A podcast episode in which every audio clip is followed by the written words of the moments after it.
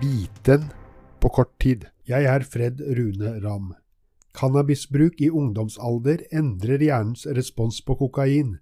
Det gjelder på molekylært og epigenetisk nivå, men også med utslag på atferd. Dette er til forskjell fra om cannabisbruken skjer i voksen alder. Studien er gjennomført på musehjerner og er publisert i PNAS 11. mars.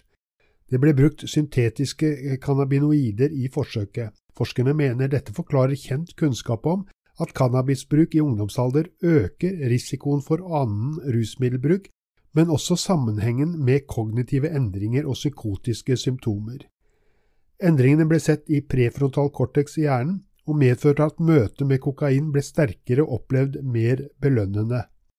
Forskerne valgte kokain i dette forsøket, men de mener det har overføringsverdi også til andre rusmidler. Konklusjonen er at cannabinoider endrer hjernen slik at den får flere positive opplevelser ved annen rusmiddelbruk, forutsatt at cannabisbruken skjer hos unge.